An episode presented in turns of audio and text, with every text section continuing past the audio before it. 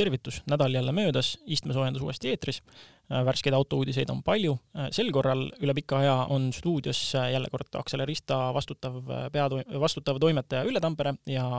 jätkuvalt mina, Veli Rajasaar, nagu ikka. Äh, esimene uudis puudutab nüüd äh, autode lisamugavusvarustust ja igasuguseid äh, digi ja tehno ja muid toredaid lahendusi. et võib-olla nii mõnigi askeetlikumate autode eelistaja on seda kahtlustanud ja paljud uute autode omanikud mõelnud sellele, aga tuleb J.D. Powersi uuringust välja, et väga paljud kasutajad ei tarvitagi oma auto, uue auto selliseid moodsaid featuure, pluss siis on äh, räägitud nendest, nendest asjadest, mis, mis ei toimi nii, nagu nad peaksid. et ma mäletan näiteks, et kui mõned aastad tagasi esimest korda sain sõita mingi masinaga, millel oli see žestikuleerimise teel juhitav äh, multimeediasüsteem, siis noh, ta tundus nagu niisugune äge kiiks, aga esiteks see sõrmedega vehkimine ei toiminud nii, nagu peaks, äh, noh, ütleme, niisugune äh, efektiivsusprotsent oli alla viiekümne ja teine oli see, et kogu aeg läks meelest ära, et see asi üldse olemas on, sellepärast et palju mugavam oli ikkagi neid roolinuppe kasutada ja muist äh, kasutajaid ka nõustuvad sellega, et üle poole, kusagil niisugune neljakümne, viiekümne protsendi vahele on see protsent äh, inimesi, kellel on probleeme selle žestikuleerimisega. Ülle, on sul endal ette jäänud mõne moodsa proovisõidu auto juures asju, mis, mis sa tunned, et mida sina ei kasutaks või mis ei peaks siis üleüldse olema? Päris kindlasti neid on, et üks asi, mida mina alati kasutan, on telefoni paarimine auto infolustiga, mida väga paljud siiski ei tee ja J.D. Powers on seda uuringut viinud läbi ka varasemalt ja kui nüüd natukene vaadata sinna äh, sisse, siis on näha, et nende inimeste hulk, kes ütlevad, et nad ei kasuta suurt osa siis äh, mugavuslisadest äh,, ega noh, see protsent on läbi aastate ikkagi suhteliselt samaks jäänud ja mu meelest seal üks päris vaimukas kommentaar oli ka, et ostis endale saja tuhandese auto ja ei kasuta seda kõige lihtsamat asja, et äh, ikka räägib telefon kõrva ääres, et see võib-olla on üks asi, siis kindlasti. Noh, mis mind ennast häirivad, on äh, need igasugused andurid, mis piiksuvad ja karjuvad ja ja siis äh, näiteks ka see väsimuse hoiatamine või et kui sa hakkad väsima, et siis ta lakkamatult, mõni auto laseb sulle seda ja ja siis on ka see hoia silmad teel abiline, mis tihtipeale ei saa aru, kuhu sa vaatad ja plärtsub su peale, et hoia silmad teel. ja üks asi, mida ma olen tähele pannud ka paljudel autodel, on äh, hoia käed roolil, et nad ei tunne ära, kui su, kui su käed on roolil pikal maanteesõidul, auto arvab ikkagi, et sa ei juhi enam ise, kuigi tegelikult mul on käed roolil, lihtsalt ma sõidan väga rahulikult järgmine uudis puudutab aga Prantsusmaa suurt investeeringut ja see plaan kannab nime France kaks tuhat kolmkümmend ja näeb ette, et järgneva viie aasta jooksul investeeritakse kolmkümmend miljardit eurot just siis kõike rohelisse, mis puudutab siis äh, taastuvenergiat, elektriautosid äh, ja pluss siis sellised, ütleme, perspektiivikad äh, suunad nagu robootika, et et äh, plaan on siin, noh, Prantsusmaa on üleüldse tegelikult kogu selle oma toetuste asjaga päris äh, helde olnud, et eelmise aasta maikuus äh, anti näiteks elektriautode ostjatele kuni kümme tuhat eurot toetust per kärss, et nad saavad siis osta omale soodsamalt elektriauto, umbes nagu meil siin tehti, aga meil oli see summa vist on ju viis tuhat vist, jah jaa, no see viis tuhat on äh, Euroopa fondide rahastus. ja Prantsusmaa siis omalt poolt pani on ju äh, kokkuvõttes äh, selle jaoks välja kaheksa miljardit eurot sel hetkel. et nüüd see kolmekümne miljardi plaan sisaldab endas siis kaheksa miljardit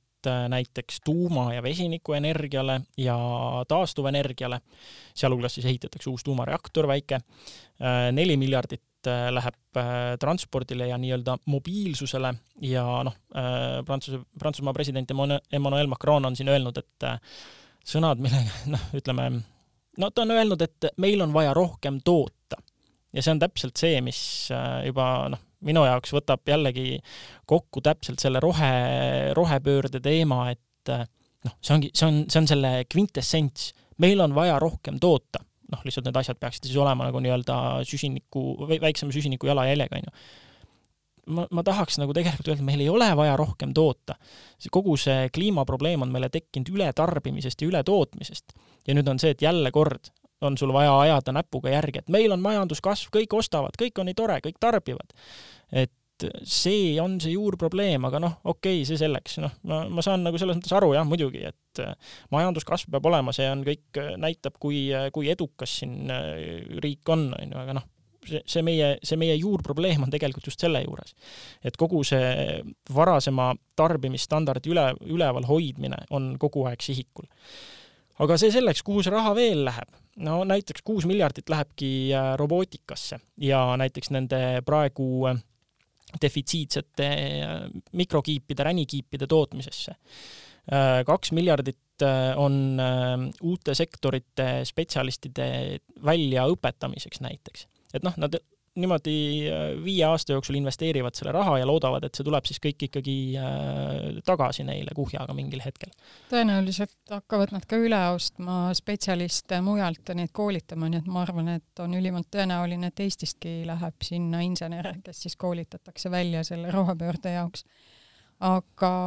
mis puudutab äh, neid energialahendusi, siis nad ütlevad, et elektriautod ja muud, mida me veel ei tea, ehk siis prantslased tunnistavad, et me võime täna olla sellise ülemineku lävel, kus tuleb midagi, millest me väga täpselt veel ei tea, kuidas see õnnestub. ma tahaks loota, et see on vesinikuenergia, ma tahaks loota, et need tuumajaamad, millest hakatakse, mida hakatakse e-, ehitama, hakkavad tulevikus ka stabiilselt vesinikuenergiat tootma, et et äh, me nende elektriautode puhul, millega on ikkagi olnud niivõrd palju probleeme ja neid on ilmselt ka edaspidi, saame rääkida kui äh, vaheetapist. mis puudutab seda rohepööret tervikuna, siis sa ütlesid, et äh, küsimus on tarbimises, aga mis me ikka kurdame, et me saame ise ju teha paremini, et kui ma mõtlen, et sina sõidad vist kakskümmend aastat vana, vana autoga, oi jah, mul on äh, erinevateks otstarveteks äh, isegi kakskümmend üheksa aastat vana auto ja kakskümmend aastat vana auto ja neliteist aastat vana auto, et mis äh, kindlasti on plaanis oma võiduka lõpuni tarvitada, mitte nende asemel midagi uut soetada. et äh, loodetavasti nad siin peavad veel siin vähemalt järgmised kümme-viisteist aastat ilma mingi vajaduseta midagi uuendada. ehk siis see ongi point, et mis, no meil ei olegi mõtet kurta, et tõesti teeme ise paremini ja kasutame asjad lõpuni ja, ja siis prantslased võivad oma rohepööret teha, aga kui inimesed jäävad kindlaks äh, sellele, et nad õpivad vähem tarbima, ma arvan, see on võimalik, siis saab see, neid investeeringuid suunata sinna, kus äh, vaja on võib-olla rohkem, mitte ainult autode tootmisse kuna sa vesinikku mainisid, siis äh, kiire vaheuudis, mis jäi silma. Äh, Toyota Mirai tegi vahepeal läbisõidurekordi, üle tuhande kolmesaja kilomeetri ühe vesinikupaagiga. aga autode tootmise juurest äh, läheme hoopis õlle tootmise juurde. ja seda seetõttu, et Tesla võttis ette jälle ühe oma huvitavatest turundusstrateegiatest ja nemad nüüd siis äh, teevad, noh, kui nad juba Saksamaal on äh, oma seda gigatehast, äh, Giga Berliini muudkui toimetavad, siis oli vaja sinna kõrvale teha ka selline bränd nagu Giga Beer. ja see ongi siis põhimõtteliselt Cybertruckist inspireeritud õlu ei tea, palju seda tehakse, kas see saab olema mingisugune väga piiratud väljalase, noh, Tesla on varem teinud ka oma tekiila, on ju, aga see gigabeer on siis, pudel on ilmselgelt kantud Cybertrucki mõjutustest, et äh, nurgeline ja selline ütleme siis noh, futuristlik. aga ma ei lugenud sealt välja, kas see on alkovaba, et ma sain aru, et ikka täitsa ei, ikka täitsa nagu päris ikka päris, täitsa päris. päris et, äh, et huvitav selline, ütleme, natuke vastuoluline otsus äh,, arvestades, et äh, alkoholiautod justkui ei peaks kokku käima, onju. aga noh, Tesla on Tesla, nad teevad igasuguseid oma põnevaid asju, et ma saan aru, noh, Elon Musk võtab äh, tihti mingisuguseid asju ette juba nagu sõnamängu pärast, et see Gigabier on äh, Giga Berliini kõrvale, noh, täiesti arusaadav on ju, neil on kõik asjad on Gigafactorid ja äh, noh, või kasvõi see mm, lapsik sõnamäng, mis tuleb kokku esimese nelja mudeli esitähtedest, on ju, mis, mille vist tabasid siis teravamad pliiatsid ära selleks hetkeks, kui tuli välja kolmas mudel, Model X et äh, noh, ühesõnaga neid lapsikuid asju on siin äh, ikka päris palju olnud ja sellel rindel ta kindlasti ka jätkab ja nüüd on ta ju ka jälle kord äh, võttis Jeff Bezoselt üle maailma rikkaim inimese tiitli, et et noh, mingis mõttes on ikkagi nagu tore, et selline ekstsentriline inimene nii, nii nagu esirinnas on ja, ja toimetada saab, et et ei olegi maha kantud need meiesugused lolli lapsiku huumorimeelega inimesed. näed, mõni jõuab ka kuskile ikka ma tulen selle esimese uudise juurde korraks tagasi, et äh, Tesla omanikest kaheksakümmend protsenti ütlevad, et nad on võimelised kasutama äh, paljusid selle auto lisavarustuses olevaid tehnilisi imevidinaid siis, et võib-olla see alkohoolne õlu või alkohoolne jook siis äh, sobib nendele Tesla omanikele, kes ootavadki seda päeva. isejuhtimist, on ju? jah, isejuhtimist. No aga Tesla uudistest ka selline asi, et nüüd võib Teslat äh, nimetada veelgi enam äh, nii-öelda tavaliseks päris autotootjaks, et neil on ette näidata kuues järjestikune kasumlik kvartal. Terve nende kahe tuhande kahekümnes aasta oli, möödus siis kasumi tähe all kõik neli kvartalit, kokku siis seitsesada kakskümmend üks miljonit dollarit kasumit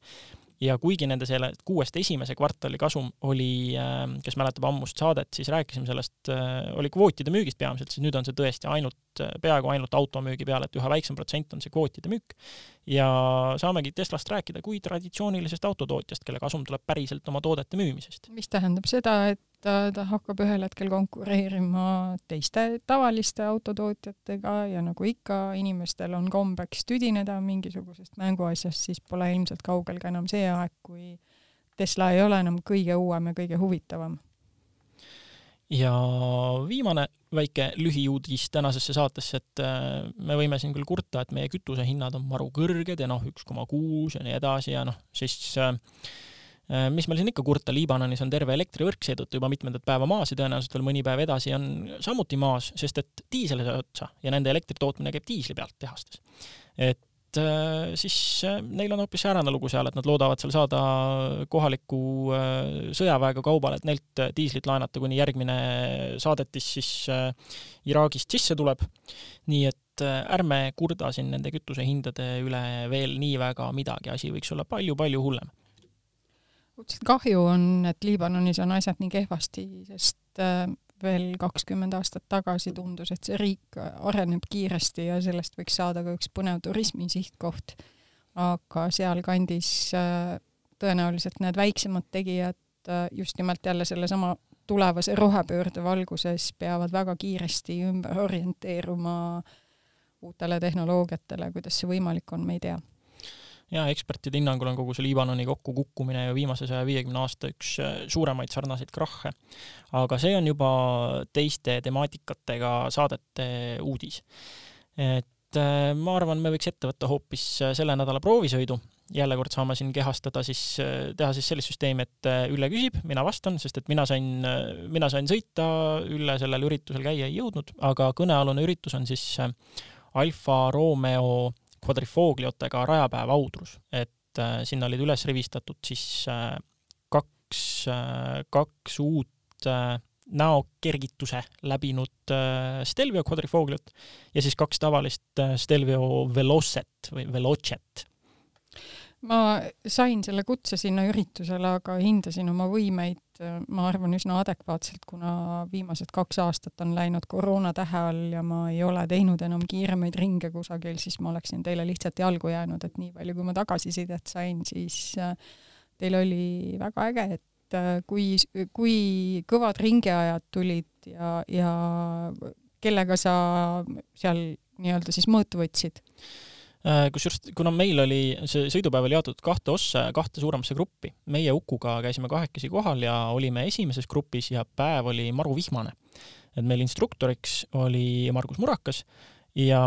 noh, tegelikult siis oli ikkagi see, et äh, noh, päev oli küll tore, aga äh, tervet gruppi hoiti ikka väga tagasi, et siin on jällegi see koht, kuna Alfal oli see esimene sarnast, noh, ja Unitedil oli esimene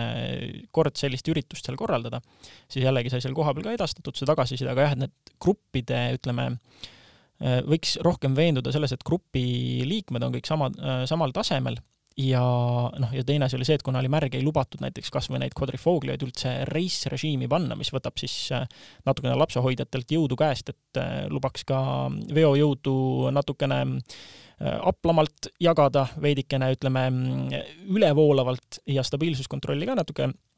vähemaks tõmbaks. aga seda ei lubatud kasutada, ma saan aru täiesti, miks, aga nagu kogu see kogemus näitas, siis need abilised, mis, äh, mis jäid siis äh, valitsema, ehm, nad ei ole nagu noh, nad ei ole ikkagi selleks kiirelt, kiireks sõiduks mõeldud, nad hakkavad väga-väga segama ja nad hakkavad tegema ootamatuid asju ja mm, ütleme, see ei, see ei ole üldse mm, sellise ürituse mõttes nagu noh, see ei ole intuitiivne tegelikult ikkagi äh, jätta neid tavasõidu turvalisust tagavaid abilisi seal rajasõidus siis omale kohale tööd tegema. Teine asi oli see, et Margus Murakas muidugi ka teades selle seltskonna sellist ähm, varieeruvat taset, ta tõesti, ta hoidiski ees väga madalat tempot. nii madalat tempot, et ees sõitnud kaks kvadrifogliot, noh, need on ikkagi ju äh, kes mä-, mäletab, eelmise suve proovisõit oli meil äh, selle eelmise Quadrifoglioga, viissada kümme hobujõudu topeltturboga V6 on ju, Ferrari sugemetega mootor, äh, nelikvedu, mis eelistab tagatelge, noh, kõik toredad asjad, siis noh, need asjad on kõik samaks jäänud, see mehaaniline pool. et selles mõttes nendel autodel, nendel viiesaja kümne hobujõulistel quadrifogliatel oli võimalik täiesti selle Velocega sabas püsida, et tempo oli tõesti nagu nii madal Äh, ja noh, selles mõttes minu sessioon, kui mina sain Muraka sabast sõita selle kvadrifogliaga, selles mõttes mul vedas, et ähm, see seal kuidagi pool õnnega ja pool niimoodi ähm, Uku äh, äh, sellise tagasiastumisega, kuna ta sai aru, et on võimalik, võimalik teha ainuke kiire sõit selle päeva jooksul, oli see, et Alfa Romeo brändi saadik oli siis selleks sõiduks Muraka kõrval ja teda oli vaja korralikult kaamera jaoks loksutada ja raputada ehk siis oligi see, et Murakas tegi natuke kiiremat sõitu hoolimata vihmasetest äh, oludest ja mina sain siis sabas püsida. et ja tõenäoliselt see oligi selle päeva ainuke nii-öelda päriselt kiire sõit nendes vihmastes tingimustes ja selles grupis. et selle koha pealt võin öelda, et äh, mul vedas, aga ringiaegadest ei ole midagi seal, noh, äh, vihmastes tingimustes üks nelikümmend kaks ei ole mingisugune äge ringiaeg, et tegelikult on kuivas see auto suutlik jällegi, kuigi mulle taheti seal vastu vaielda, ma väidan, et see auto puhtalt juba toore jõu najal, hoolimata oma massist, sõidab Audrus alla üks kolmekümne aja, mitte palju alla üks kolmekümne, aga napilt alla üks kolmekümne. et noh, ütleme neid võimeid me ikkagi seal ei kompinud. ja jällegi see mm, reisrežiimi mittekasutamine samamoodi hoiab neid autosid ka võimsuse mõttes natukene tagasi, et, et selle reisiga oleks omakorda jällegi isegi vihmas saanud veidike kiirem aja teha, hoolimata sellest, et ta oleks seal kaldunud libisema. jaa, no Stelviot ja Quadrifolioga mina ju ka natukene sõitsin, aga ma ei kaifinud seda nii, kui ma istusin siis Julia rooli pärast, et ma ei tea, kas Juliast tehakse ka jaa, tehakse Quadrifoliot küll. Ja,, jaa, just, et vot see võiks olla päris kihvt võrdlusmoment. Väga tahaks sõita sellega, aga seda ei ole Eestis paraku jah, siin pakutud niimoodi proovisõitudeks paraku, et see oleks kindlasti veel vingem masin ja seda saab ju tagaveolisena, et see on kindlasti emotsioonikam, pluss siis lisaks veel see, et Julia jätkuvalt minu,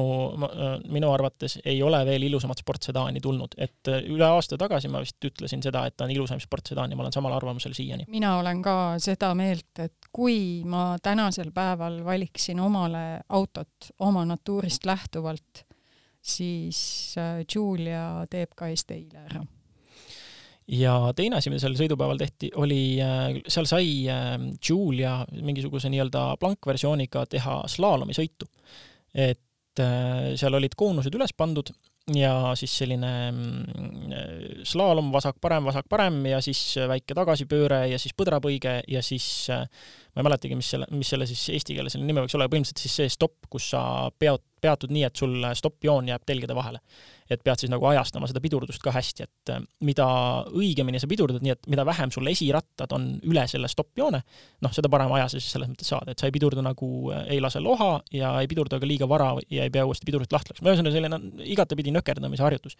ja igaüks sai ainult äh, ühe võimaluse seal sõita siis oma kiire aeg maha ja mina pidin siin kolleegile vist mingisugune, kas oli null koma seitseteist sekundit äkki alla vanduma, et äh, sain siis teise temase esimese koha. et selline tore harjutus, pluss siis äh, seal hakkas natuke kohe see mm, äh, selline, ütleme, mm, kastist väljamõtleja arvutama, et ma küll oma ajasõidul seda ei proovinud, aga kuna koonuste mahasõitmise eest oli trahviks ainult üks sekund, siis ja see slaalom koosnes, see oli siis vist nii, et viis koonust ja põiget, siis minu loogika ütles, et kui seal nii-öelda äh, teine ja neljas koonus robustselt maha sõita ja sõitagi nagu nii, et sul nende põigete asemel on ainult nagu kaks põiget e, ja võtta need kaks trahvisekundit auga vastu, siis sa ikkagi saad kiirema aja kui siis, kui sa selle asja õigesti läbiksid. ja pulli pärast sai siis noh, kuna seal auto jäi pärast seisma, kõik olid oma ajasõidud ära teinud, siis ma palusin need kaks koonust eemaldada, et mitte autot lõhkuda ja palusin aega võtta ja oligi jah, niisugune ääri-veeri, et äh, põhimõtteliselt nii-öelda sellist sohki tehes oleks saanud kiirema aja, et siin äh, üks teine kolleeg tõi, tõi tuua siin paralleeli mingisugusest off-road'i võistlusest, kus kus ka keegi reeglite koostajatest ei olnud arvestanud sellega, et võistlejad võivad teha lauslollust või reeglitest valesti aru saada ja mingisuguse nökerdamise katsed täie hooga läbi lasta. ja isegi pärast trahvisekundeid ikkagi kiirema aja saada, kui need, kes reeglitele vastavalt seda tegid. et see oli jälle selline tore asi, et äh, oleks võinud proovida seda teist lähenemist, aga no siis oleks niisugune nagu ütleme, sohi tegemise maiguga võit juba olnud. mul on äh, see küsimus, et äh, no sa käid üsna tihti väljasõitudel ka ja ikka on erinevate autodega mingisuguseid harjutusi mina omal ajal tänu nendele erinevatele ülesannetele lihvisin oma sõiduoskusi, kas, kas see on vajalik? Aeg-ajalt just nimelt koonuste vahel tuterdada ja, ja ma ei tea, sõita mäest ülesse ja mäest alla, pidurdada keset mäge, mäge, no mida iganes, meiega on ju igasugust nalja. no ühesõnaga teha, teha lolluseid ja ootamatusi ja vaadata, kas sa saad sellega hakkama, onju. ja loomulikult, ja see koonuste vahel nökerdamine jällegi, kuigi ütleme, sellises, sellisel viisil koonuste vahel nökerdamine võib-olla nii palju enam juurde ei anna, kui sa natuke aega sellega tegelenud oled. no see on, see aitab gabariidi tunnetusele väga hästi kaasa, sellele, et sa saad aru, kuidas see tagatelg sul nii-öelda järel on ja kuidas ta nagu, kuidas ähm, keerates ja pöörates see tagatelg sul võib ikkagi nagu ähm, nii-öelda nurga maha sõita, seal koonustega mitme puhul oli näha, et nad võtsid ähm, oma positsiooni järgi autos väga ilusa joone ja siis tõmbasid tagarattaga hoopis koonuse maha. et noh, see aitab sellele gabariiditunnetusele ja auto pööramise dünaamikale pihta saada paremini. aga mis näiteks ma tundsin, mille puhul ma tundsin tõesti, et vot seda ei ole palju harjutanud, oli, oli üks Hyundai rajapäev äh, veel mõned rohkemad nädalad tagasi, kus oli hoopis tagurdamise slaalom ja siis ongi see, et sa oled seal äh, nii-öelda sellest autost, kus sa oled, saab nii-öelda kombain, millel pööravad justkui tagarattad, onju, ja no vot sellega oli küll see, et see gabariiditunnetus kõik nagu mängis täiesti pea selle ümber, sest see oli sätitud ka hästi tihedaks hästi-hästi tihedaks, et noh, meenub üks niisugune tagurdamise harjutus oli kunagi Lexusel äh, Siberis, kui me käisime Baikali järve ajal sõitmas. seal oli ka tagurdamise harjutus, aga seal oli ruumi nii palju jäetud, et sa vaatasidki, sa võisid selle läbi sõita väga hea tempoga niimoodi, et sa vaatasid ainult ühte peeglit, sa tead, et sul on teisel pool ka nagu ruumi ikkagi korralikult ja seal ei olnud mingit muret. Aga selle harjutuse juht oli nii tihe, et äh, päris mitu korda äh, pidi, mul vist oli kaks korda vaja korrigeerida, äh, lasta edasi natukene ja siis uuesti tagurdada. ja noh, sellise, selline harjutus näiteks on see, mida ma tunnen, et seda oleks näiteks minu auto käsitluse, käsitlemise osas veel, käsitsemise osas vaja lihvida. et seal kohalikud, kes selle harjutuse üles sättisid, siis Hyundai omad, tegid no ikka niisugune kümmekond sekundit kiirema aja ja noh, selle päeva sõiduinstruktor oli äh, Mr Ott Tänak ja tema pani selle pika-pika-pika puuga kinni. et äh, see pani isegi kusjuures mõtlema selle peale, et on ikka nagu natukene mm, raske olla siin äh, maailmameister ja kõige parem sõiduäss, sellepärast et äh, kui sind sellistel üritustel pannakse ka midagi tegema, siis sul on justkui nagu seisus kohustab, et sa pead olema kõigist kõige kiirem, kõige parem, muidu mingi suvaline matt saab pärast öelda, et ma olen Ott Tänakust kiirem. et äh, päris selline nagu ütleme, keeruline positsioon, kus olla, kus sa ei tohigi nagu põhimõtteliselt vigu teha või teine variant ongi see, et mitte üldse osaleda. nii, aga läks heietamiseks ära, ma arvan, et äh, liigume edasi nädala auto mõtte juurde ja see puudutab meie praeguseid äh, ilmasid, valgust, mis varakult ära kukub, et siin ma annaks täitsa üle ja oleks üks Ülle Soolo. ja ma siia Parda tänavale tulles, mul alati kipub meelest minema, mis on meie stuudio aadress, just mõtlesin sellele, et äh, õhtul hämardub üsna varakult ja kui pilves ka on, siis juba kuskil kella neljast hakkab minema nii palju hämaraks, et äh, inimesed tumedas riides ei paista enam välja. Ja tagumine aeg on kontrollida üle, kas helkurid on küljes, et äh, paljudel riietel on, on helkurid peal, aga sellele lisaks ikkagi peaks panema ripnema ka omale siis põlve kõrgusele ühe või isegi mitu helkurit, et paistaks välja, pluss kes sõidavad jalgrattaga, täitsa pimedad on need, et autod ei lülita veel oma tulesid peale, mis tähendab, et äh, rattahelkurid ei pruugi olla äh, hästi näha see probleem tuleb välja nii Tallinna nendel kummalistel rattateedel, mis algavad ei kuskilt ja lõpevad mitte kuskile risti-rästi autode ja bussidega, see kõik on kohutavalt ohtlik. Ma täna lihtsalt vaatasin neid noori inimesi, kes kas või nende elektritõuksidega vurasid, nad ei taju üldse seda ohtu. jaa, need ei ole näha, ma olen ise elektritõukse, ma olen siin, nad on väga ootamatult pimedusest välja vupsanud. Ja nii mõnigi jalakäija. teine asi on see, et mitmed meist, kes me juba autoga sõidame, me ei kipugi sellele mõtlema, mina sealhulgas, et see on väga hea, et sul see auto mõttena täna välja tuli, ma pean oma riided ka üle vaatama, et ikka tuleb ette, et ma pean pimedas ka autost välja minema. Ja no kes meist siis võtab autost väikseks väljumiseks ja helkur vesti selga topib, onju. ei, ma arvan, et paljud ei tee seda liigutust, et palju mugavam on tõesti veenduda, et mul on riietel helkur küljes, arvestada, et isegi kui ma sõidan autoga, on situatsioone, kus mul võiks ikkagi helkur küljes olla igal juhul ja, ja no tasub panna omale kõikide mantlite ja jopede taskusse siis kasvõi see nõelaga kinnitatav, haaknõelaga kinnitatav helkur, mille, mille sa tõmbad sellel hetkel välja, kui sa lähed, lähed kodunt välja. Sest või no siis igasuguseid valikuid on või käekotti panna või taskusse panna selle nii-öelda nagu joonlaua helkuri, mis sul tõmbab ennast raksti ümber varruka mm -hmm. rõngasse, et neid valikuid on, on palju ja helkurit valides soovitan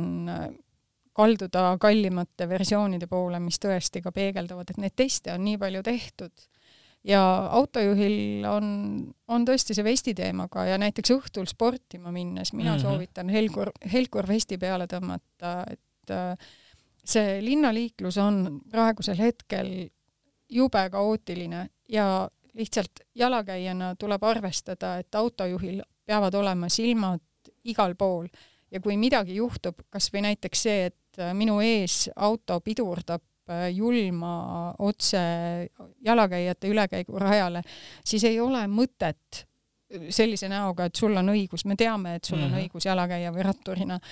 tulla ja pahandada, sest et äh, seal ees oli ka mingisugune situatsioon jälle, inimesed lähevad täiesti suvaliselt üle tee ja kui need siis näha ei ole, siis ma, no ma reaalselt, mul on hirm kogu aeg, et et, et midagi võib juhtuda. mul on näiteks meeles see, et kui äh, kunagi, kui ma käisin äh, näiteks äh, marsruuditakso peale jalgsi, see oli siis ka pimedatel aegadel hommikuti oli sihuke noh, mingi poolteist kilomeetrit jalutamist, reaalselt sihuke viisteist minutit. ja mõnikord ka, kui ma sain aru, et kuramus, mul ei ole sellel jopel helkurit, mis ma tegin, oli see, et ma võtsin oma telefoni, ma panin taskulambi sisse ja ma mitte lihtsalt ei näidanud sellega endale ette valgust, vaid äh, võtsingi ta kätte ja vonklesin käega, et nagu see taskulamp äh, käiks erinevatesse huvitavatesse suundadesse, kui mõni auto vastu tuli, et oleks suurem võimalus, et äh, see tabab ka seda autojuhi silma nii-öelda, et ta näeb, et midagi seal vilgub. et äh, noh, ja seda, selle taskulambi ma tavaliselt tõmbasin selle peale välja, kui oligi see, et kui meie auto tuleb vastu, tuleb ja tuleb ja mul on juba nii valge, ma mõtlen, et ta peab mind nägema ja siis minuni mingisugune mõnekümne meetri kaugusel korrigeerib äkitselt oma joont äh, nagu niimoodi poole ehmatunult teelt kõrvale ja siis vilgutab mulle tule, siis ma saan aru, kurat, mind tegelikult ei ole üldse näha. ja siin ma nagu läheksin tagasi ühe katse juurde, mis me tegime sellisele liiklussaatele nagu Punane sekund. esimene hooaeg võtsime ja tegime sellise toreda katse, et panime nii-öelda jalakäija ilma milletagi, andsime talle kätte ajalehe ja siis suletud teelõigul panime kaugusesse auto eri tuledega ja jalakäija jaoks võis olla juba nii valge, et ta näeb seda ajalehte lugeda autost ei olnud midagi näha. ja siis me tegime seda katset, et panimegi siis mingi helkuri, lõime ta ka nii-öelda võbelema, et tal oleks võimalus valgust vastu peegeldada ja oli, siis oli juba väga hästi näha ja siis me võtsime veel helkurvestiga ka proovisime ja no siis, siis oli nagu juba tulede pidu autojuhi perspektiivist, et see oli nagu väga-väga selge katse selle kohta, kui oluline on ikkagi ennast nii-öelda selles mõttes välja valgustada. helkurvesti puhul on see ka, et äh, enamus meist automaatselt arvab, et teel on politseinik ja võtavad kohe ka kiiruse maha, et äh, jah, teine positiivne faktor. jaa, aga no neid variante, kuidas ennast nähtavaks teha, on päris palju, et on